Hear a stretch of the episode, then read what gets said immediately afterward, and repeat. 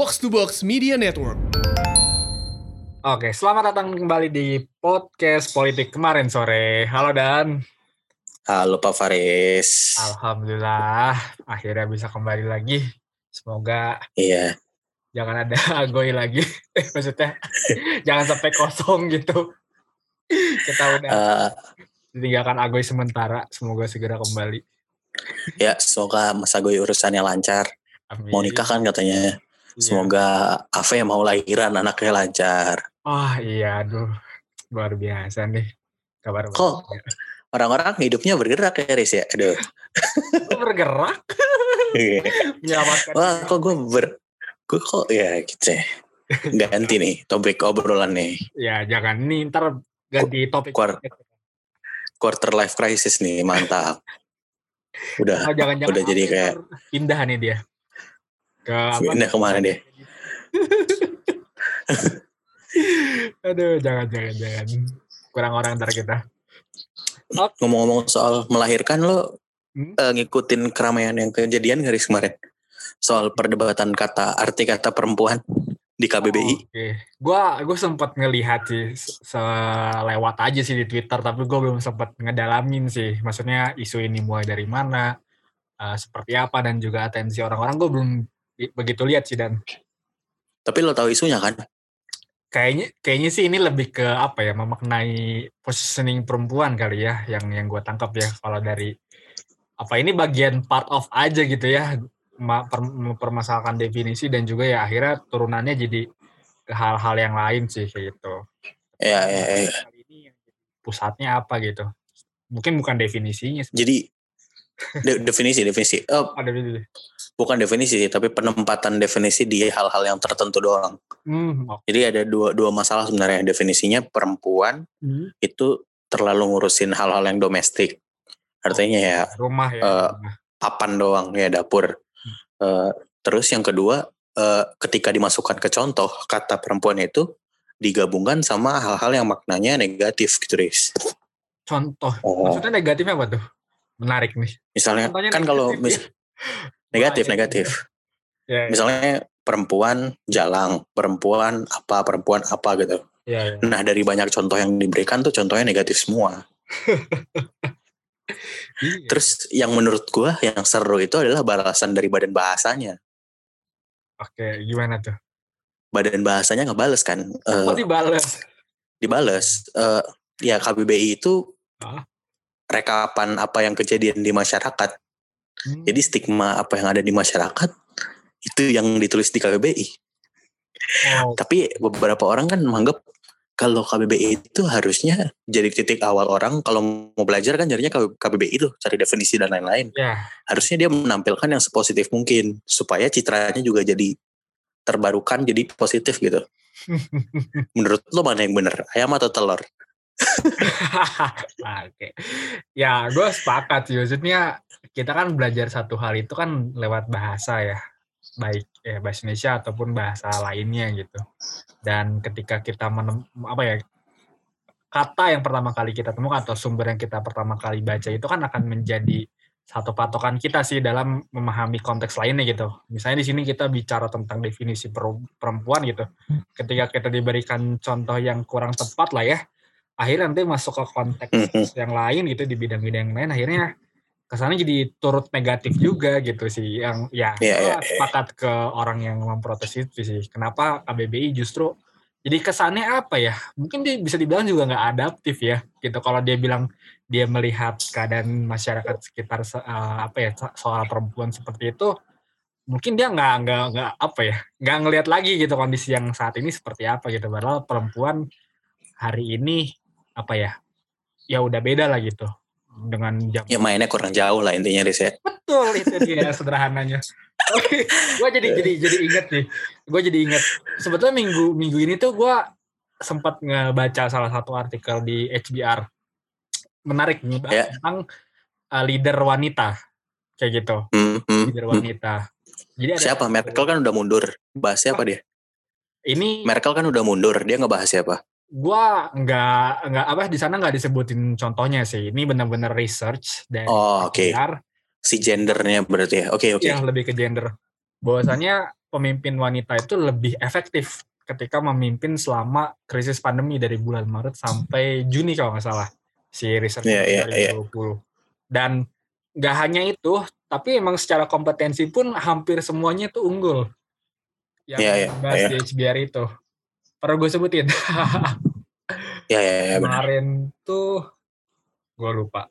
Terus juga emang apa ya? Kalau kita lihat dalam konteksnya pandemi, memang gue juga sempat baca baca berita sih. Yang diangkat itu adalah sosoknya perdana menterinya Selandia Baru, Ibu siapa namanya? Ja Ya, Jacinda. Jacinda ya itu ya. Yang kemarin kepilih Ya, lagi Arshin. kan. Kepilih lagi kan kalau nggak salah. 70%, 80% Hmm.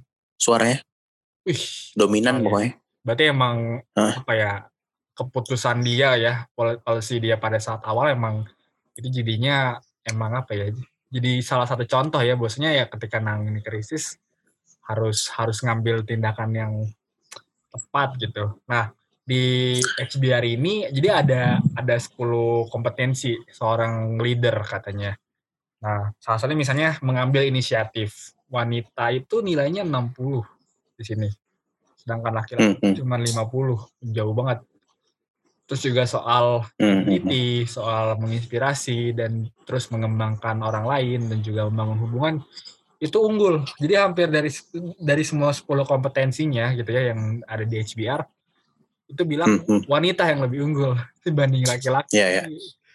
luar biasa sih Gue gue ngerti alasan sederhananya kenapa sih, Riz. kenapa tuh Hasil risetnya kayak gitu. Hmm, Karena ini sama kayak kasus buat jadi orang kulit hitam atau people of color di Amerika. hmm, Eh, buat terlihat bagus atau terpilih itu lo harus dua kali standar. Jadi biasanya pemimpin pemimpinnya standarnya misalnya 80, buat lo terpilih sebagai seorang cewek atau sebagai seorang kulit hitam tuh lo harus ada di 160 gitu oh, supaya orang-orang mulai ngelihat gitu. Kalau lo ada di 80 terus sama 90, oke orang akan balik ke yang mainstream lagi. iya berarti harus Jadi lo iya. ya harus outstanding lo baru terpilih. Nah makanya ketika ya yang dibandingkan adalah orang-orang outstanding dengan orang-orang yang terpilihnya biasa-biasa aja hasil statistiknya akan kayak gitu sih. Ya, ya, ya.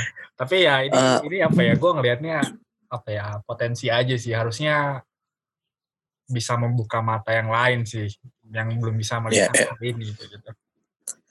Eh, ngomong-ngomong soal pemimpin, Hmm. hari ini salah satu pemimpin eh, pemerintahan daerah Provinsi Jakarta dianugerahkan masuk 21 hero di tahun 2021 Bapak Faris.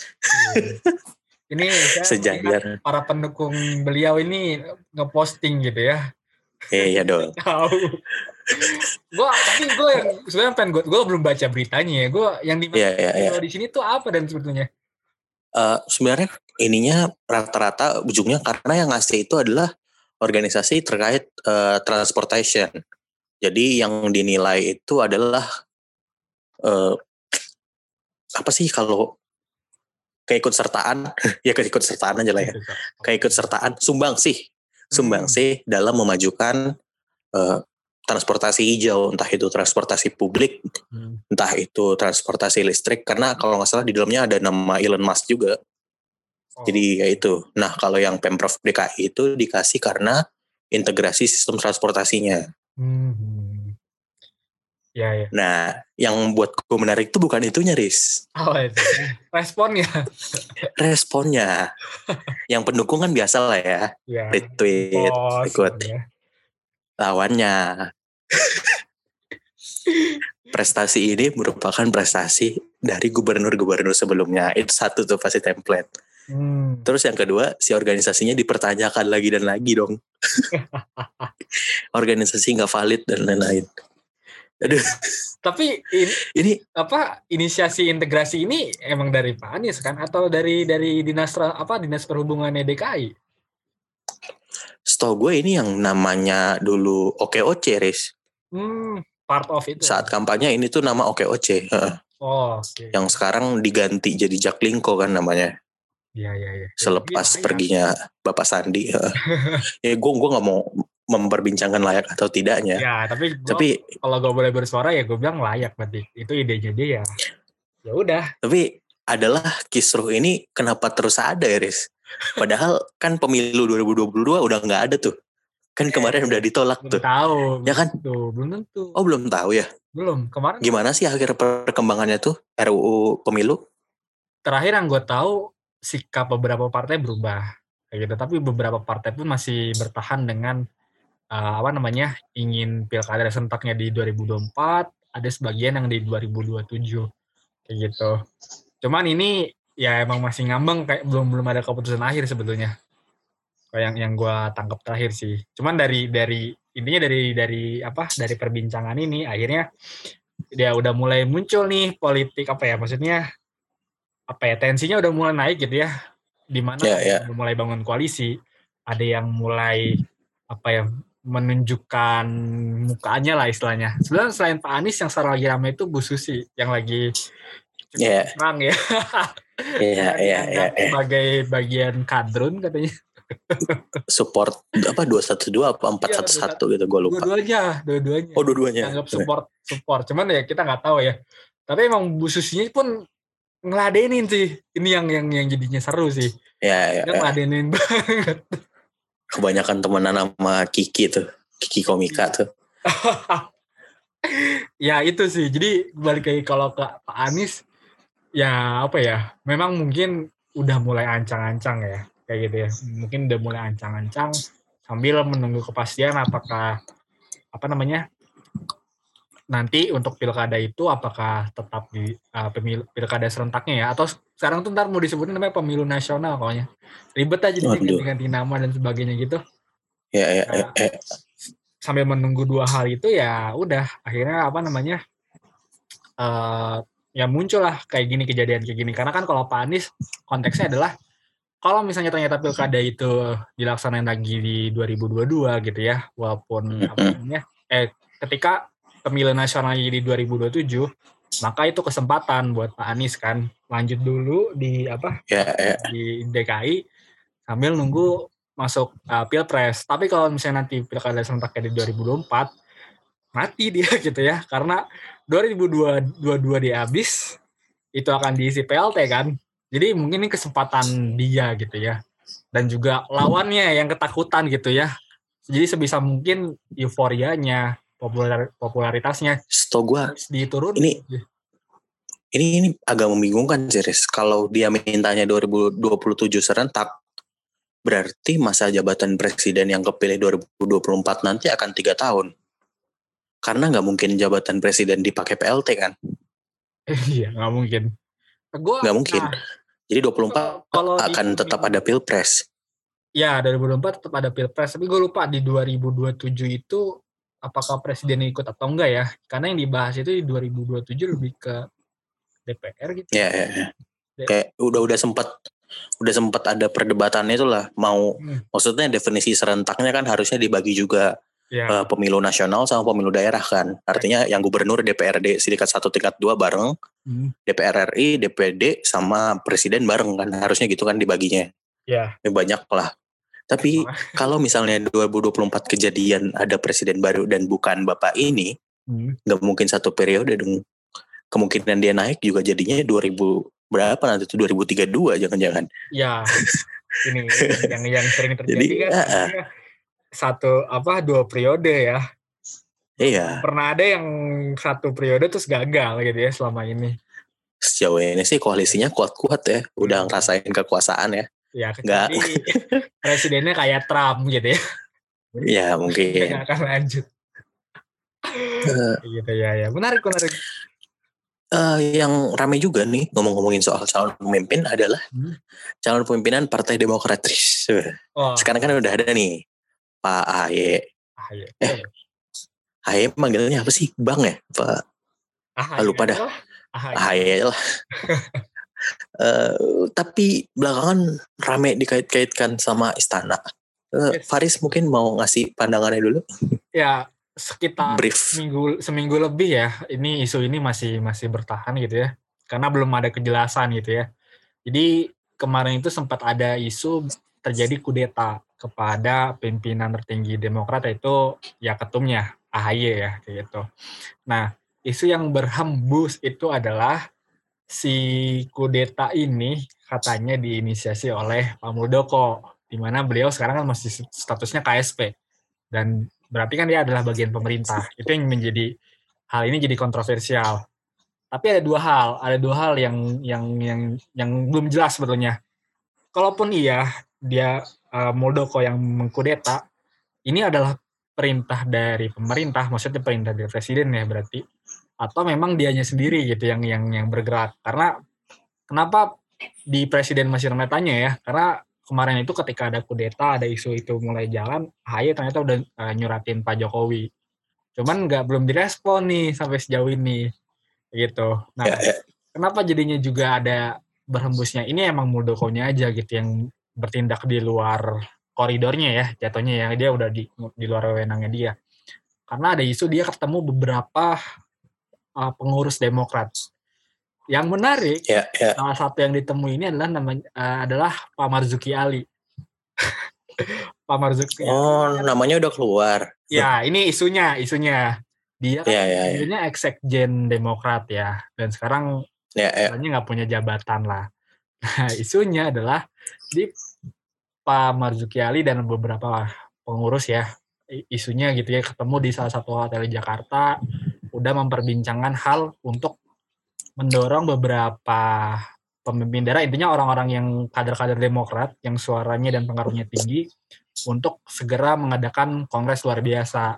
Jadi memaksakan untuk adanya pergantian ketua umum kayak gitu. Yang mana ini yeah. akan dibiayai Pak Muldoko isunya gitu ya gitu. Nah, wow. rezeki Ali ini di ada yang bilang ya, gitu ya. Ini omongannya Pak Rahlan Nasidi katanya ya, tapi ini ini pun yeah, yeah. khawatir hoax ya, tapi isunya uh, Pak Marzuki Ali ini mau bantu karena dia ditawarin jadi sekjen Demokrat nanti kayak gitu. Pak Muldoko tentunya dia dapat, dapat kendaraan gitu ya, dapat kendaraan dan uh, ya intinya dia udah punya kendaraan tinggal gimana dia berkoalisi ya belum belum disebutin sih tapi isunya dia udah dapat dukungan dari PKB dan Nasdem Pak Muldoko tuh untuk maju di 2024 ya yeah. itu sih uh, oke okay.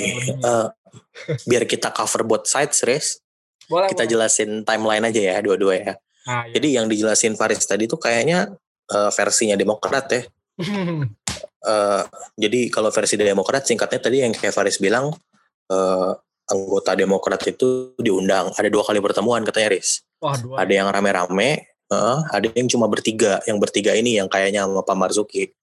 Yang delapan ini kata Pak Andi Malaranggeng itu mereka diundang uh, atas dasar penyaluran bantuan untuk bencana Kalimantan, Riz. Hmm. Okay. Terus uh, sampai di sana ternyata topiknya bergeser.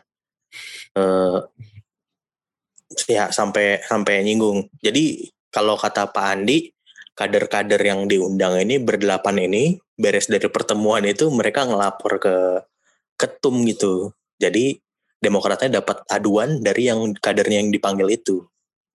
Nah makanya dari situ mereka nyuratin ke atas Pak. Katanya pertemuan ini sudah atas restunya sang bapak. Makanya disuratin tuh si bapak, Pak bener nggak dapat restunya. Nah tadi jawaban dari Pak Pratikno adalah hmm. E, kita nggak akan ngerespon karena ini urusan partai. Jadi sebenarnya yeah. istana udah ada responnya. Oh. Responnya adalah tidak akan merespon. oh, okay. bener bener bener bener. Okay. Terus kalau dari versi satunya lagi, uh, jadi sebenarnya yang pertemuan pertama itu kader yang dipanggil delapan, tapi organizernya adalah bukan kader dalam ternyata Riz. Hmm. Tapi orang-orang yang udah keluar, ada yang oh. udah 9 tahun gak aktif, ada yang udah tiga tahun gak aktif. Mereka yang mempertemukan Pak Muldoko. Hmm. Pak Muldoko datang uh, katanya sih dengan niat penyaluran bencana dan tidak ada nyinggung sama sekali tentang si pemilihan ini. Pak Muldoko nggak tahu. Bahkan nggak ada hubungan omongan ke arah-arah 2024 sih nggak ada kalau kata versi yang sebelah sini uh, debatnya masih di, di seputar itu sih kayak soal pembuktian omongannya apa karena nggak tahu ada rekaman obrolannya atau enggak. Kalau gua diundang Pak Muldoko terus beres dari sini mau ngelapor ke ketum sih harusnya ada rekamannya ya. Mau nggak mau ada yang nyadap kena itu ya. Ya. Meskipun di pengadilan nanti nggak sah ya karena tanpa izin ya. Eh, ya ya di situ sih maksudnya eh, yang gue bingung kalaupun memang ini urusan bantuan Hmm. harusnya nyuratinnya ke partai dong kenapa nyuratinnya yang undangan 8 kader partai tanpa partainya tahu Nah itu ya secara administrasi juga ini udah udah tanda tanya banget sih gitu kan. iya iya Udah udah nggak benar gitu. Tapi lucu juga sih politisi-politisi ini nggak paham administrasi ya. Malah punya staff banyak gitu. Gak bisa apa buat surat doang gitu kayaknya nggak nyampe satu jam lah.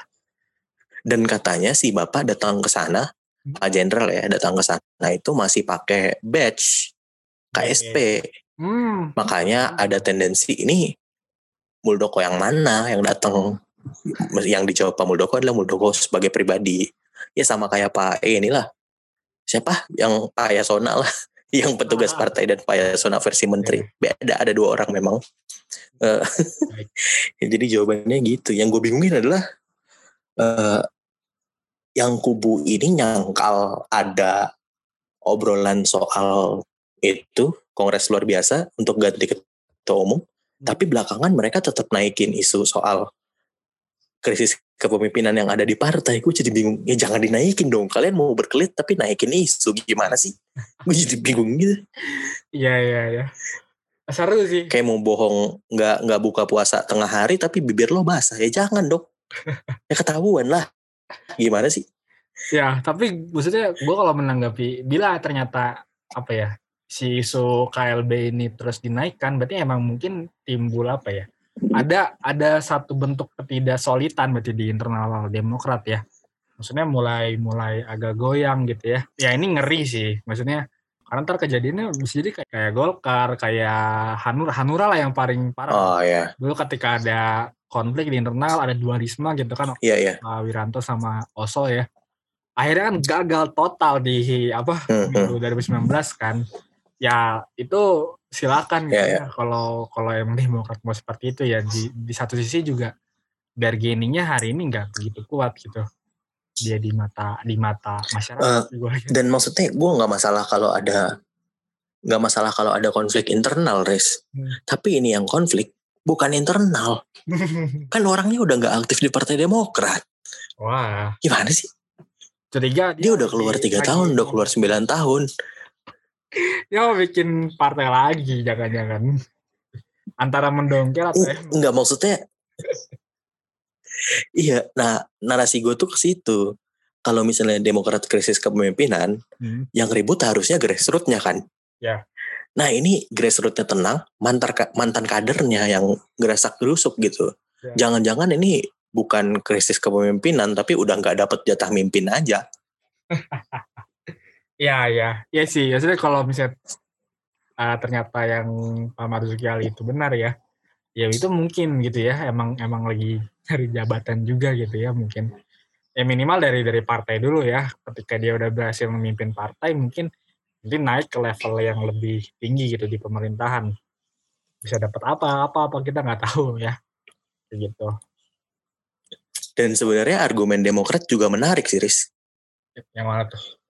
Demokrat ngomong ya kalau Pak Muldoko pengen nyalon datang aja ke Pak SBY ya minta didukung ngapain ngambil alih partai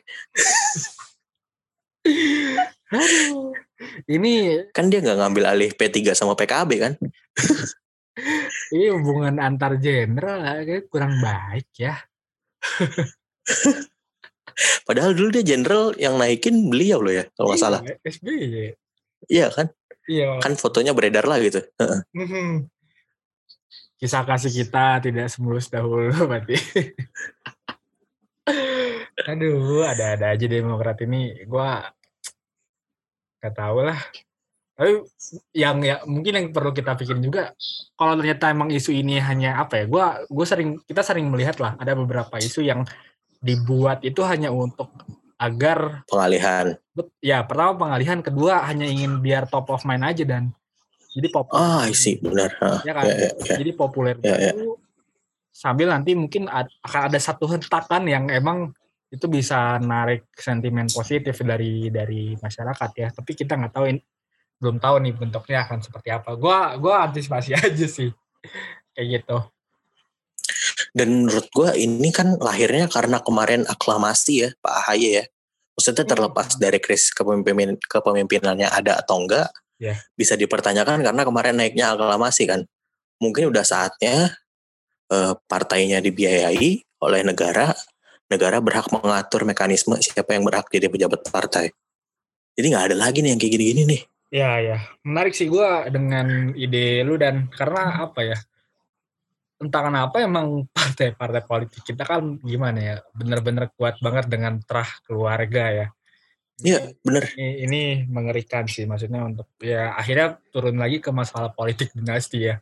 Karena udah Iya, iya. terlihat nyata juga dari dari struktur parpol gitu yang tidak memberikan ya apa ya ada jalan tapi itu mungkin su- sulit gitu ya dan Iya, iya. dan juga kecil gitu jadinya dan ini akhirnya ya men- mungkin menurunkan minat dan atensi kader-kader yang lain ya. Gitu. Karena kan sebenarnya Demokrat itu udah nyoba segala cara sih menurut gua. Di dulu dipegang Pak SBY, eh, diprotes, dilepas ke siapa tuh? Pak, gue lupa namanya, Anas Urbaningrum. Yang ah, Anas dan lain-lain. Hasilnya kan berantakan tuh, iya yang si mega proyek gagal itu. Terus tetap nggak mau nurunin langsung ke anaknya, coba lagi konvensi. Konvensinya gagal juga, nggak ngangkat. Sekarang dia mau balik kayak partai-partai lainnya aja, mau aklamasi aja. Kalau Munas kan kita rusuh terus tuh partai itu. ya kayak pan ya Oh, mau PAN, mau partai mana pun kan rusuh kalau Munas kan. Golkar juga Munasnya rusuh mulu. yang nggak yang nggak rusuh tuh cuma aklamasi dari selama ini. ributnya nggak nggak di tempat mun- munasnya Oh, tempat Munas Pak PAN. nggak maksudnya aklamasi yang aklamasi Oh iya iya iya iya benar benar. Jadi ya Demokrat sedang menjadi partai-partai lainnya sekarang, tapi malah Bedanya ketemu gitu. iya kena juga. Gimana dong? Ya udah lah ya. Ah, suram suram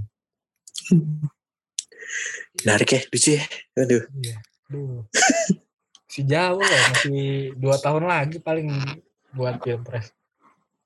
Ya dua tahun lagi pun baru persiapan kan harusnya. Iya, ya baru mulai pendaftaran kan. Ya nggak tahu ya kondisi ke depan gimana gitu. Mungkin akan mempengaruhi juga lamanya pilpres ya. Kayak gitu kayak sekarang kan Iya, iya. juga dipotong nih karena pandemi. Si Iya, siapa tahu ada kayak pemilu urgent kayak 98 kan nggak tahu juga ya. Iya. KPU-nya jadi pecat. Ada. Eh, udah kali ya Riz ya? Iya itu aja dulu deh. Menarik sih Oke. kita lihat mungkin minggu depan ada update terbaru ya soal kasus ini ya karena belum belum berhenti nih. Gitu ya. Ya, ya, ya. Oh yang menarik juga sebenarnya apa Riz yang udah keluar tuh? Tur- turunan peraturan apa Riz? Oke ya, jadi setelah Undang-Undang Cipta Kerja disahkan di bulan eh September Oktober ya, gue lupa dah. Oktober, Oktober. Oktober. ya? Eh, ya sekitar itulah.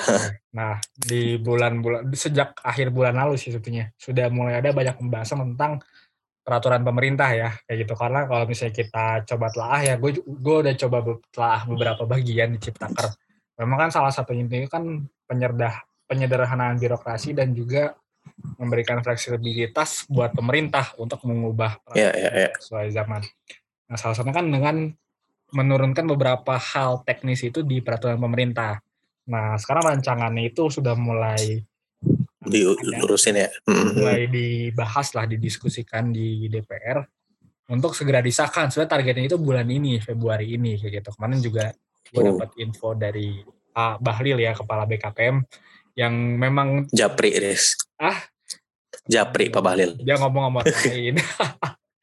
Kirain. Iya. Ya, karena ya di Ciptaker kan perizinan berusaha yang termasuk dominan kan pembahasan itu dan Ya, benar, benar. akan diurus di BKPM kan lewat apa OSS-nya kayak gitu. Ya, Gitu betul. sih. Nah, ini mungkin akan kita tunggu sih karena cukup banyak ya. Mesti kita Wah, banyak, Pak. dulu nih. Gitu. Ya, ya, ya. Menarik sih. itu aja kali ya minggu ini ya. Oh, eh. Follow-follow dong, Riz. Iya, jangan lupa teman-teman untuk follow Instagram kita dan Twitter di @p kemarin sore. Jangan lupa juga follow Box to Box sebagai tempat yang mewadahi kita. Ya, uh, follow Faris, follow Ya, Ave, Faris. follow Agoy. Di dan Uh. dan @averinesa. Ya, itu. Ya. Eh, itu. Ya, kita Terima kasih. Yuk, terima Hmm. kasih. Sampai jumpa di minggu depan. See you. See you.